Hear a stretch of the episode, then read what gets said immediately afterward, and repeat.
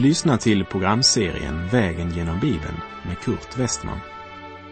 Programmet sänds av Transworld Radio och produceras av Norea Radio Sverige. Vi befinner oss nu i Hebreerbrevet. Slå gärna upp din bibel och följ med. Hebreerbrevets sjunde kapitel talar om Kristus som överste präst och tillägger präst på samma sätt som Melkisedek. Det talar om att Kristus just nu i detta ögonblick sitter på Faderns högra sida. Och det är en verklighet som vi oftare borde tala om och tänka på. För det är en sanning som har fått allt för liten uppmärksamhet i våra församlingar. Vi talar rätt mycket om Kristi död och uppståndelse och det är ju underbara sanningar. Men vi måste rikta vår blick mot den levande Kristus som sitter på Faderns högra sida i härligheten och där gör sin gärning och tjänst för oss. Och en termometer på vårt andliga liv är frågan, vilken effekt kommer sanningarna i Hebreerbrevets sjunde kapitel att få för vårt andliga liv? Eftersom brevet heter Hebreerbrevet var det alltså skrivet till hebreer som kommit till tro på Jesus som Messias. Och brevet undervisar om den förbindelse som finns mellan Jesus och Melkisedek. Något som Jesus i himlen och Melkisedek är lika i och som ska bidra till att överbevisa judekristna om att Jesus verkligen är Messias.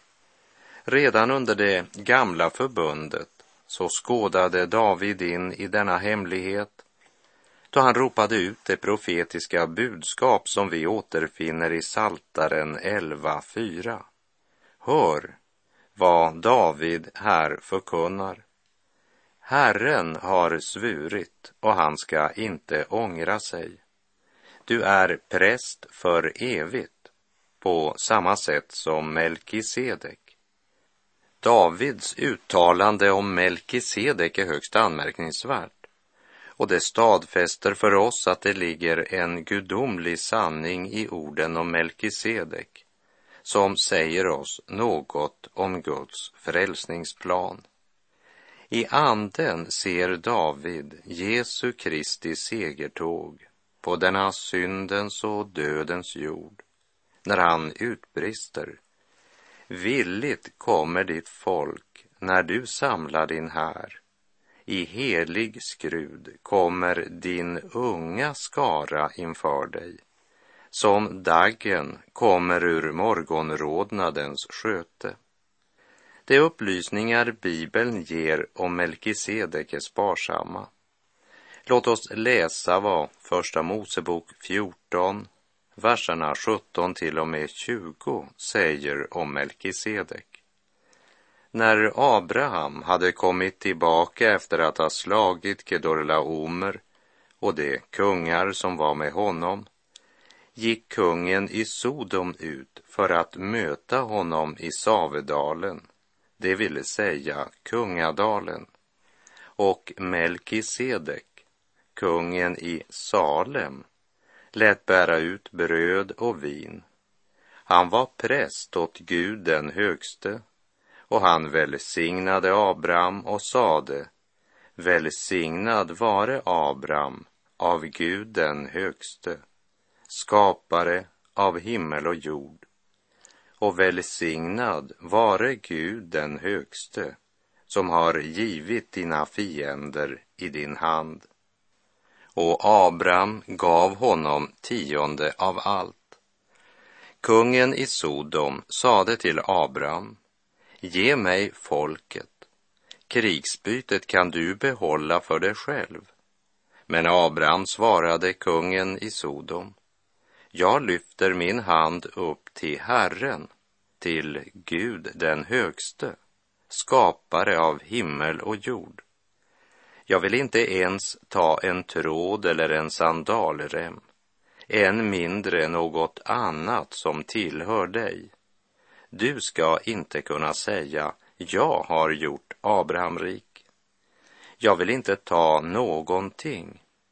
Det räcker med vad mina män har ätit och mina följeslagares andel, Aner, Eskol och Mamre.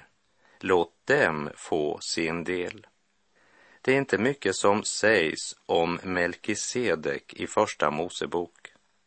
Jag tror att jag nästan skulle ha glömt honom om inte den helige Ande hade lyft fram honom igen i Hebreerbrevets sjunde kapitel. David som i anden i den hundrationde salmen proklamerade om Jesus. Herren har svurit och skall inte ångra sig. Du är präst för evigt, på samma sätt som Melkisedek. Han ser alltså vad som ska hända med oss i Kristus. Och när han ser det så förkunnar han dessa väldiga ord. Herren har svurit och han ska inte ångra sig. Du är präst för evigt på samma sätt som Melkisedek. Vilken förbindelse är det då mellan Melkisedek och Kristus på Guds högra sida? Ja, för det första så var Melkisedek präst åt Gud den högste.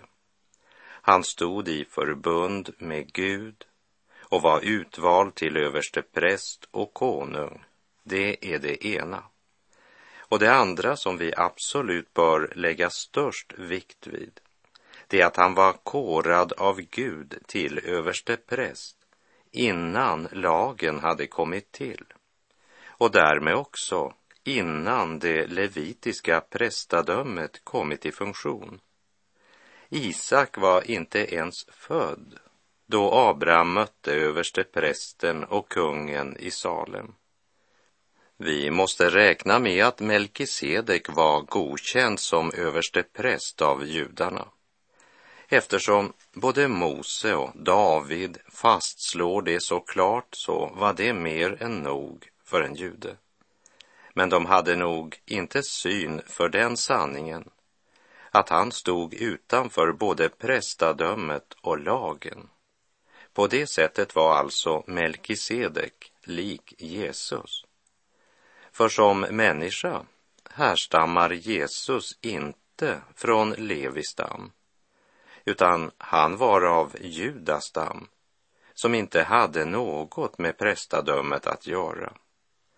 Och det säger oss att det levitiska prästadömet är inte det enda prästadömet Gud har satt in i världen.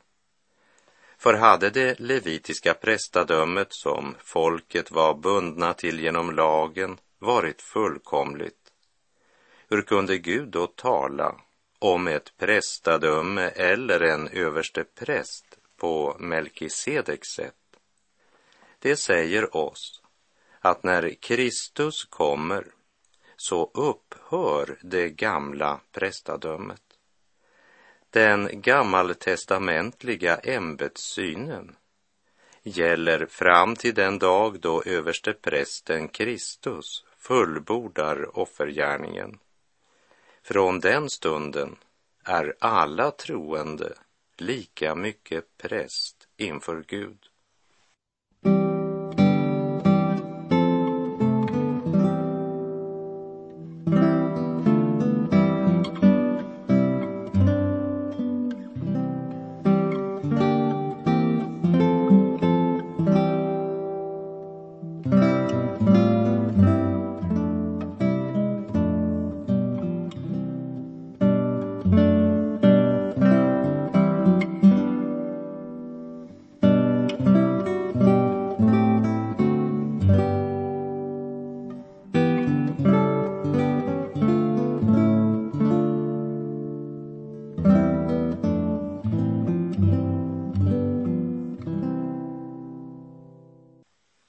Läser Hebreerbrevet kapitel 7, vers 1. Denne Melkisedek var konung i Salem och präst åt Gud, den högste.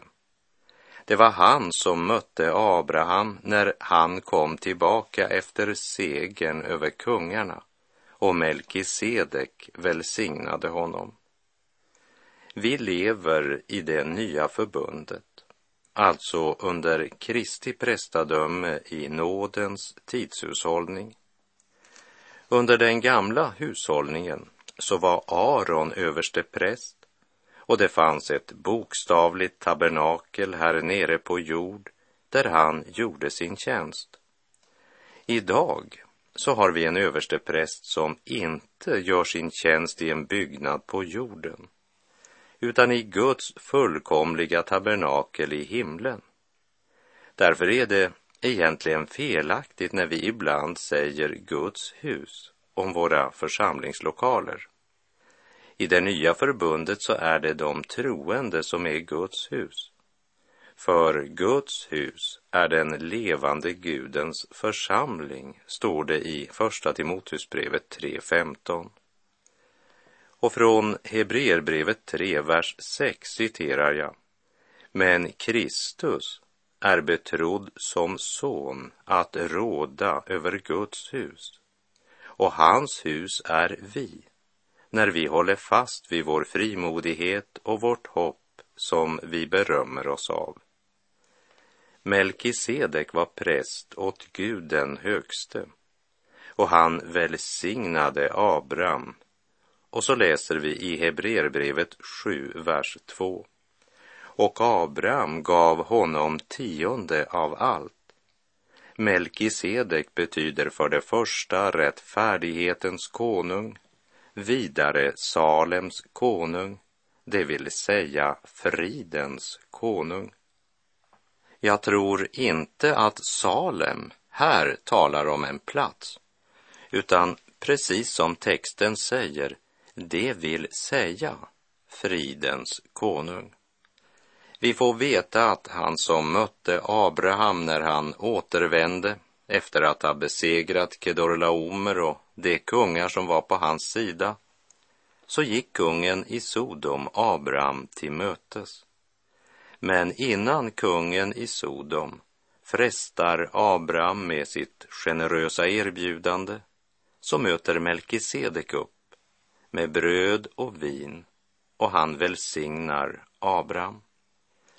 Abraham står inte ensam i frestelsens stund och Abraham valde att avstå från allt det som Sodoms kung erbjöd honom samtidigt som han gav Melkisedek tionde av sitt bästa byte. Vi läser Hebreerbrevet 7, verserna 3 till och med 6. Han står där utan far, utan mor och utan släktregister. Hans dagar har ingen början och hans liv har inget slut. Han är lik Guds son och förblir präst för evigt. Se hur stor han är. Det var åt honom som Abraham, vår stamfader, gav tionde av sitt bästa byte.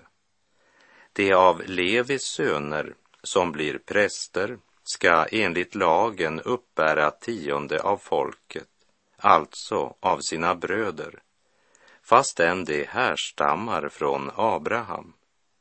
Men Melkisedek, som inte var av deras släkt, uppbar tionde av Abraham och välsignade honom som ägde löftena. När det gällde prästernas rätt till tionde så läser vi i fjärde Mosebok 18, vers 21. Och se, åt Levis barn ger jag all tionde i Israel till arvedel, som lön för den tjänst de förrättar, tjänsten vid uppenbarelsetältet. Och i fjärde Mosebok 18.26. Till leviterna ska du så tala och säga när ni av Israels barn tar emot den tionde som jag har bestämt att ni ska få av dem som er arvedel, då ska ni av den ge en offergåva åt Herren, en tionde av tionden. Men när Hebreerbrevet talar om Melkisedek står det, se hur stor han är. Det var åt honom som Abraham, vår stamfader, gav tionde av sitt bästa byte. Och vi läser Hebreerbrevet 7, verserna 7 till och med 10. Ingen kan förneka att det är den som är ringare som välsignas av den som är för mer. I det ena fallet tar dödliga människor emot tionde, men i det andra fallet är det en som får vittnesbördet att han lever. Ja, genom Abraham har på ett sätt också Levi, som får tionde, själv gett tionde.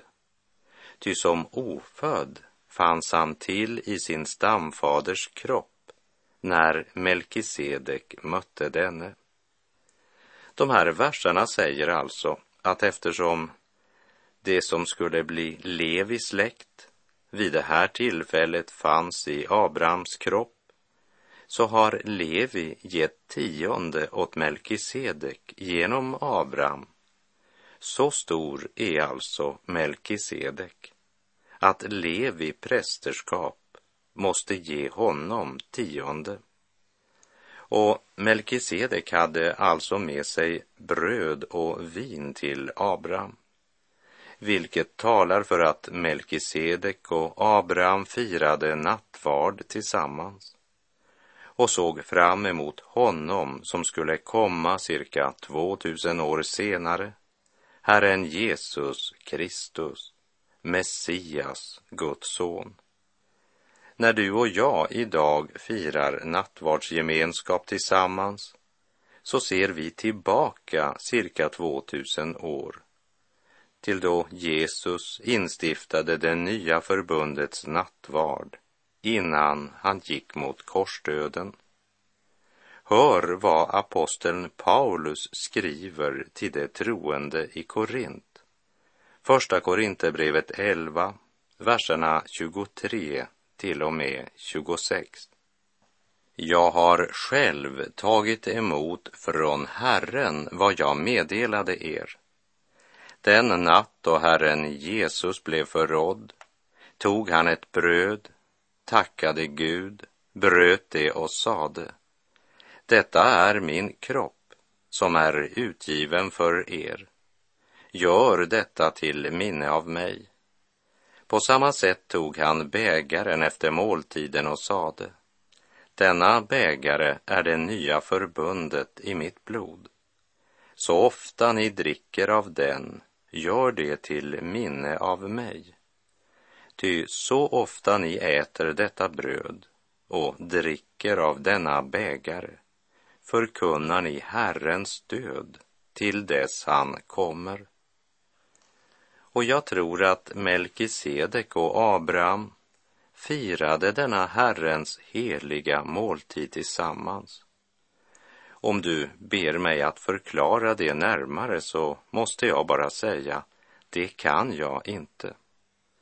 Jag vill bara fokusera din blick på att Melkisedek lät bära ut bröd och vin till Abraham. Abraham gav Melkisedek tionde av det bästa bytet och Melkisedek välsignade Abraham.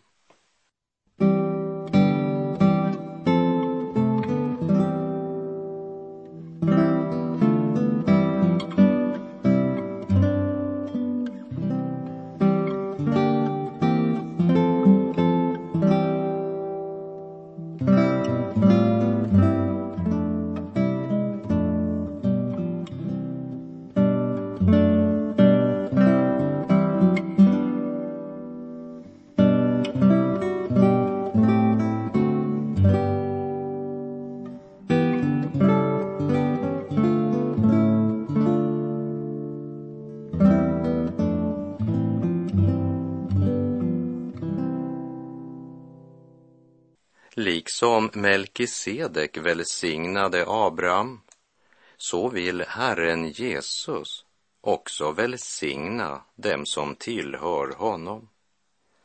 Och om han idag inte gör sin gärning i ditt liv och välsignar dig med all den himmelska världens andliga välsignelse, så är det därför att du ännu är ett spädbarn i Kristus som inte vuxit upp till mans mognad. Må Gud ge oss nåd att träda in i denna sanning som förkunnar oss att Kristi prästadöme är fullkomligt och består till evig tid och att det snart ska uppenbaras i härlighet, ära och makt. Vi läser Hebreerbrevet 7, vers 11. Om nu fullkomlighet kunde vinnas genom den levitiska prästtjänsten. Och på den grunden hade folket fått lagen, varför måste då en annan präst träda fram, en som Melkisedek, en som inte sägs vara lik Aron? Med andra ord, det som kännetecknade Arons prästadöme var att det var ofullkomligt. För det kunde inte sätta den enskilda människan i personlig gemenskap med Gud. Under det gamla förbundet, då måste människan ha en medlare som trädde fram inför Gud för folket. Och han måste först offra för sin egen synd sedan kunde han bära fram syndoffer för folket. Men nu är Jesus Kristus offrad en gång för alla och hans fullkomliga offer är nog för tid och evighet. Förlåten i templet har rämnat. Altaret är avskaffat. Skruden, som symboliserade rättfärdigheten, den har tjänat ut.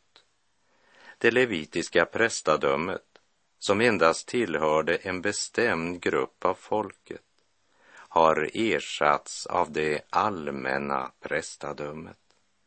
Därmed är också ämbetet förändrat. Ordinationen sker när människan föds på nytt och döps i Guds helige ande. Det är prästvigningen i det nya förbundet. Och det är min bön att även Svenska kyrkan ska inse det en dag. Hebreerbrevet 7, verserna 12 till och med 16. Ty om prästtjänsten ändras måste också lagen ändras. Den som detta sägs om hörde till en annan stam och från den har ingen gjort tjänst vid altaret. Det är uppenbart att vår Herre har trätt fram ur Judas stam, men Mose har ingenting sagt om präster från denna stam. Ännu tydligare är det när en annan präst lik Melkisedek uppstår. Han har inte blivit präst genom en lag som föreskriver jordisk härstamning, utan i kraft av ett oförstörbart liv. Prästämbetet är alltså förändrat eftersom Jesus inte kom från Levistam.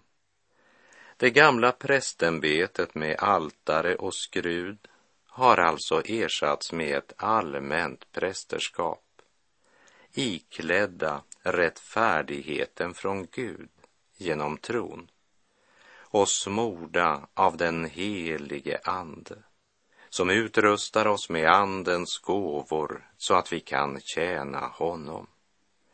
Lagen kunde inte åstadkomma något fullkomligt.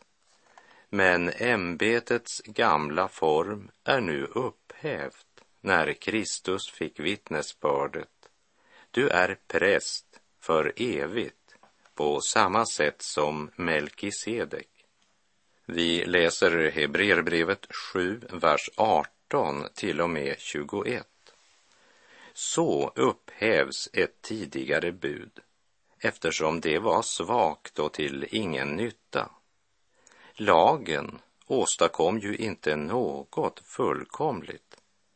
Men ett bättre hopp har kommit och genom det träder vi fram inför Gud.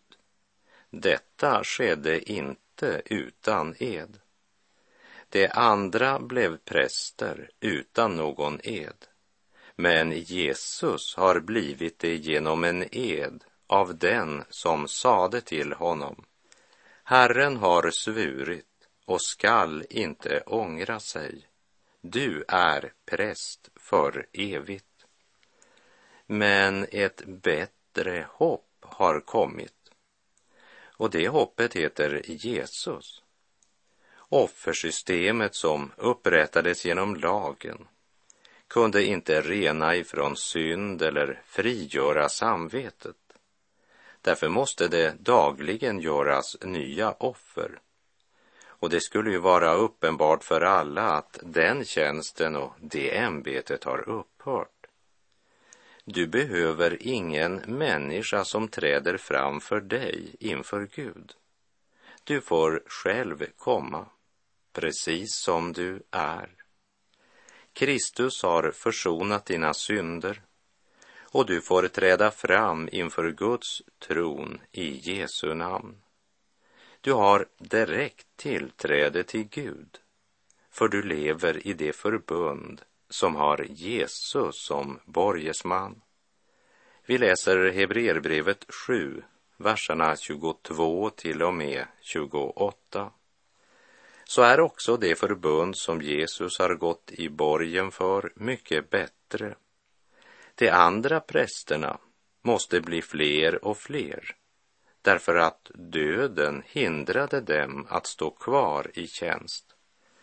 Men eftersom Jesus lever för evigt har han ett prästämbete som varar för evigt.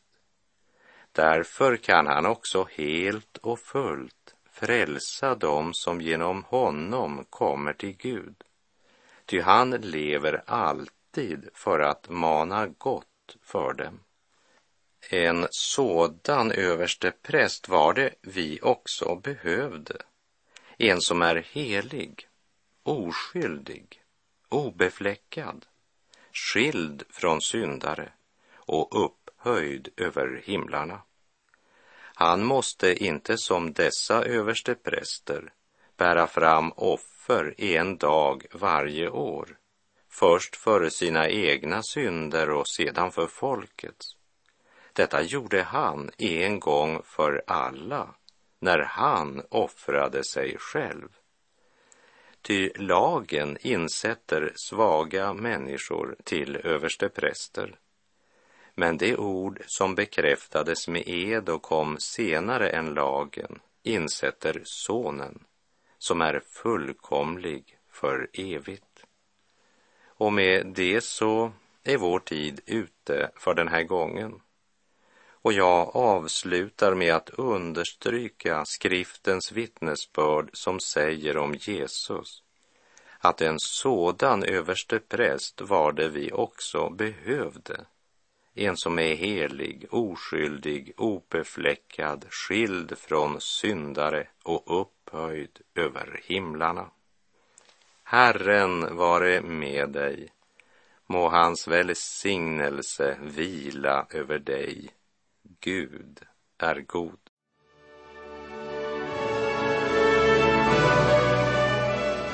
Du har lyssnat till programserien Vägen genom Bibeln med Kurt Westman som sänds av Transworld Radio. Programserien är producerad av Norea Radio Sverige. Om du önskar mer information om vårt radiomissionsarbete så skriv till Norea Radio Sverige, box 3419 103 68, Stockholm.